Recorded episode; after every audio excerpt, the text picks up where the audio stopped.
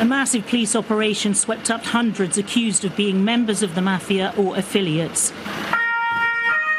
But politicians, lawyers, and public officials are amongst those standing trial. And yet, even with mass convictions, many question how much the Ndrangheta's influence will diminish. The mafia can do its business from behind bars. 355 personer på de anklagades bänk, 900 vittnen som ska höras. Åtalspunkter som mord, narkotikahandel, pengatvätt, utpressning och maktmissbruk. Det handlar om den mest omfattande maffiarättegången på över tre decennier som nu har dragit igång i södra Italien. Sist var det Cosa Nostra-maffian som åtalades. Den här gången är det medlemmar från den minst lika fruktade Ndrangetan från Kalabrien. En maffiaorganisation som sägs ha en omsättning på 550 miljarder svenska kronor. Varför är den här rättegången så historisk? Vad har egentligen maffian för inflytande och makt i dagens Italien? Och kan man dra några paralleller till gängkriminaliteten i Sverige? Det ska vi prata om i Aftonbladet Daily. Journalisten och författaren Thomas Lappalainen är expert på italienska maffian. Han får börja med att ge oss en bild av organisationen Ndrangheta. Det är ju ett lokalt namn då. Det är, det är ju Ndrangheta kallas de i Kalabrien. Eh, men det är ungefär samma typ av, det är samma typ av verksamhet som den som bedrivs av de som har det lokala namnet Cosa Nostra på Sicilien och eh, det lokala namnet Camorran i Neapelområdet. Och verksamheten är, det handlar väl om att eh, maximera inkomster. Men, men, men utan att bry sig om lagen helt enkelt, utan att bry sig om staten. Och det som gör dem speciella de här då, det är att de använder våld. Att de skaffar sig ett eh, våldskapital i kraft av vilket de eh, försöker maximera sina inkomster. Och hur maximerar de sina inkomster? Vad är det för typ av kriminalitet som de ägnar sig åt? Eh, alltså det, det här våldskapitalet som de skaffar sig, det använder de till att, bedriva, och, driva in beskyddarpengar i området. Men det är sällan den, den mest ekonomiskt betydelsefulla faktorn. Utan det, det här de blir som en liten stat. Alltså på samma sätt som staten beskattar ett visst territorium och i utbyte mot den här skatten erbjuder först och främst beskydd. Men sen också beskydd mot eh, mot eh, angripare, beskydd mot eh, tjuvar till exempel. Eller främmande makt då, det är så staten agerar. Man betalar skatt för att få beskydd och om man inte betalar skatt då angrips man av staten. Det är samma mekanism som de här organisationerna eh, jobbar efter. Men, men det vanliga är att man drar in de stora inkomsterna på något annat och det varierar historiskt. På senare decennier så har narkotika varit den stora inkomstkällan. Men eh, Eh, Eh, för 50 år sedan var det säkert cigarettsmuggling som var den stora inkomstkällan.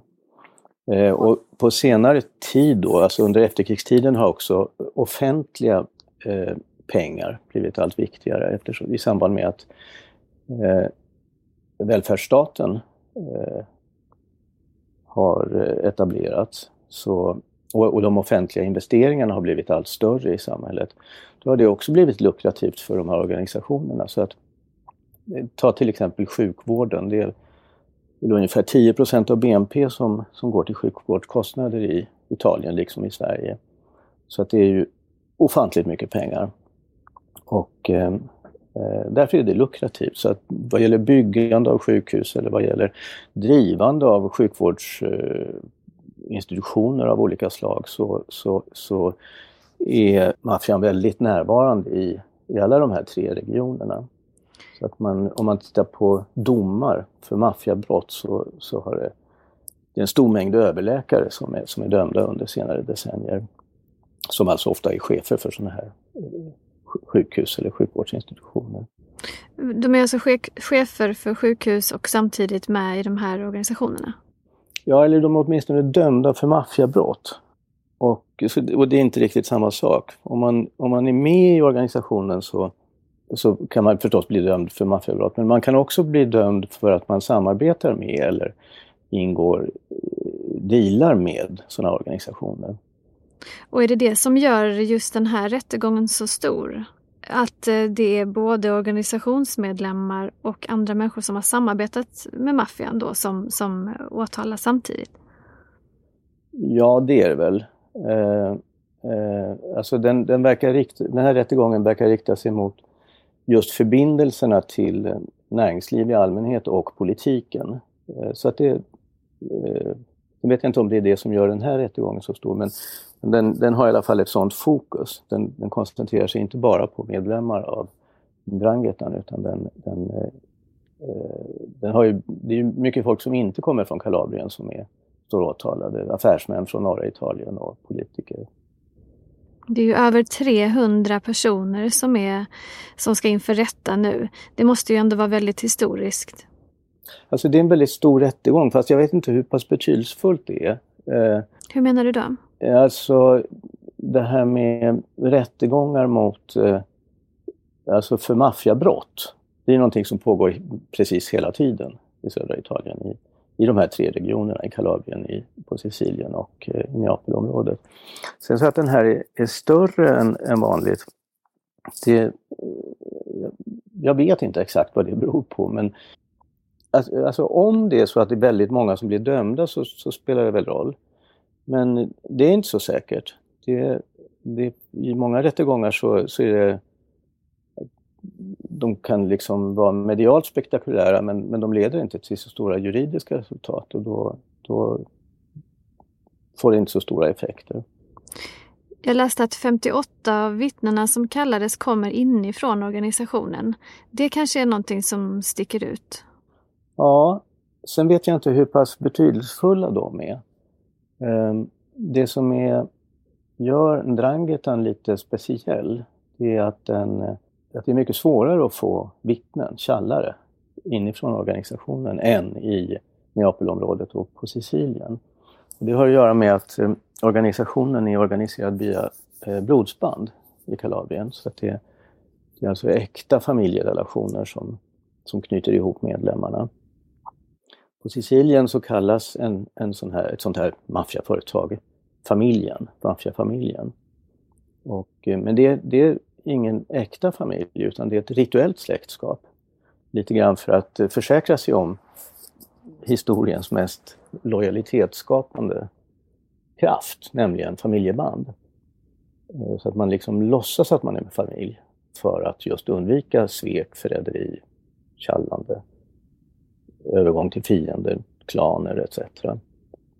Eh, men det där har ju i synnerhet under senare, så sen eh, slutet av 80-talet och början av 90-talet då staten har agerat väldigt kraftfullt mot Cosa Nostra på Sicilien så har man också lyckats bryta sig in i organisationen. Så att eh, jag tror att det är uppåt 7 av, av alla Cosa Nostra-medlemmar som numera är eh, vittnen, alltså tjallare och åtnjuter statligt beskydd och, och som eh, berättar vad de vet om organisationen i utbyte mot lägre straff. Alltså de har ju ett kronvittnessystem i Italien som gör att man, man, man har fördelar av att svika organisationen. Eh, och det där är lättare att göra på Sicilien och i Neapelområdet då, eftersom folk inte är förbundna med varandra med blodsband. Samtidigt har jag läst om just eh, Ndrangheta att de har väldigt mycket verksamhet även utanför Italiens gränser.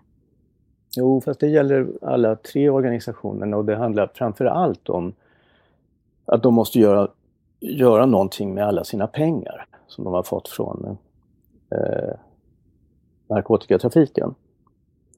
Så att det, alltså i, i, i normalfallet så, så handlar det om pengatvätt, alltså att man, man använder man köper restauranger i Tyskland eller i Sverige och, och driver dem. Alltså gör, gör investeringar på vanliga marknader utan att begå andra brott än att man tvättar pengar helt enkelt. Så att det, det är inte riktigt så att man exporterar själva sitt eh, våldskapital och sin eh, kriminella verksamhet, annat än då att man tvättar pengar. Men om jag förstått det rätt så är det här en väldigt stor då, eh, maffiaorganisation i Italien. Kommer den här rättegången att få någon slags påverkan ändå? Kan den skaka om eller eh, bryta ner organisationen? Nej, inte alls. Eh, alltså det, det är ett alldeles för, för stort och komplext eh, fenomen Så att det, det, liksom, det handlar mer om en social struktur. Det är liksom inte... Alltså man har en tendens att tänka fel som, som nordeuropé. Man, man tror att det, att det handlar om eh, några bovar och så är det poliserna som jagar bovarna och sen så hejar alla, människ alla människor på polisen. Så att det funkar inte riktigt så eftersom det är...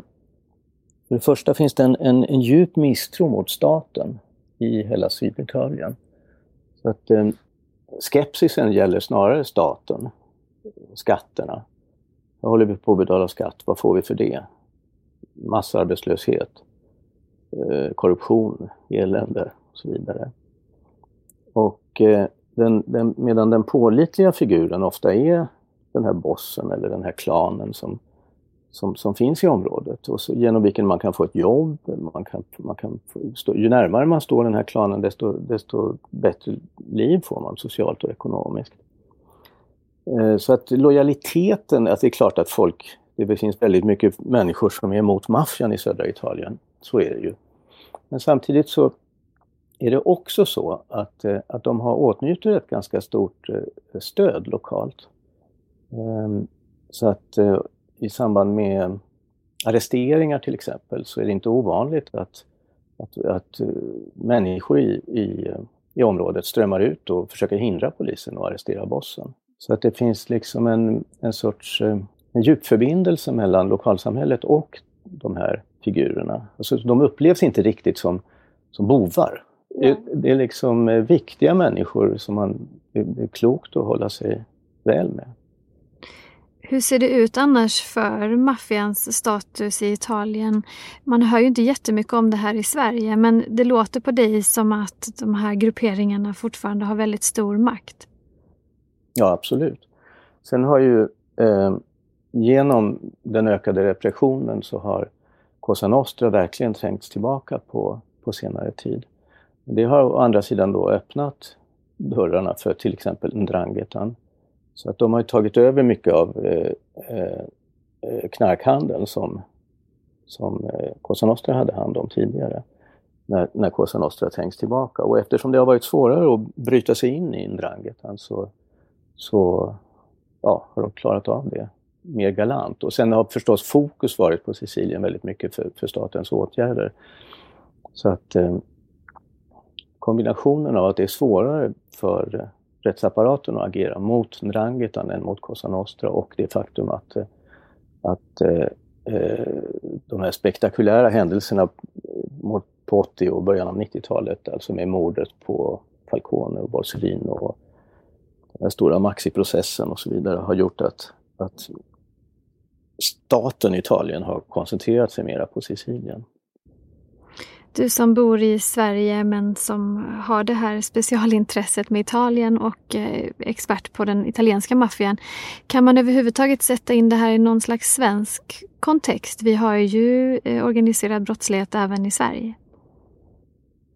Ja men absolut. Um, Alltså i, I de här områdena där, där de här gängen är verksamma, där är ju arbetslösheten massiv. Alltså det är många saker som, som, som är liknande. Att man, eh, hur, ska, hur, hur ser en framtid ut? Hur ska, hur ska ens ekonomiska liv se ut här framöver? Ja, det, är inte så särskilt ljust om man tittar på möjligheterna att få jobb och vägen är väldigt lång in i någon sorts eh, normalsvenskt eh, liv. Liksom. Eh, I synnerhet om man då kommer från eh, kulturer där, där precis som i södra Italien, misstron är stark mot de offentliga institutionerna, mot staten. Och man, man precis som, precis som i de syditalienska fallen då har, har en mycket säkrare och tillitsfull relation till någon sån här klanledare i området. Så så, så hamnar liksom staten på väldigt långt avstånd helt enkelt. Så att eh, om man skulle tänka sig någon sorts lösning på den här typen av problem så är det via liksom socialpolitik helt enkelt. Man måste, man måste komma till rätta med massarbetslösheten i, i södra Italien och eh, i vissa förortsområden i, i Sverige där, där den här problematiken är har varit akut nu. Jag vet inte hur länge, tio år eller så.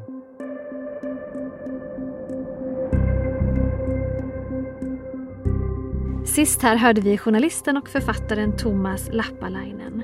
Jag heter Olivia Svensson och du har lyssnat på Aftonbladet Daily om det som kanske är århundradets maffiarättegång i Italien.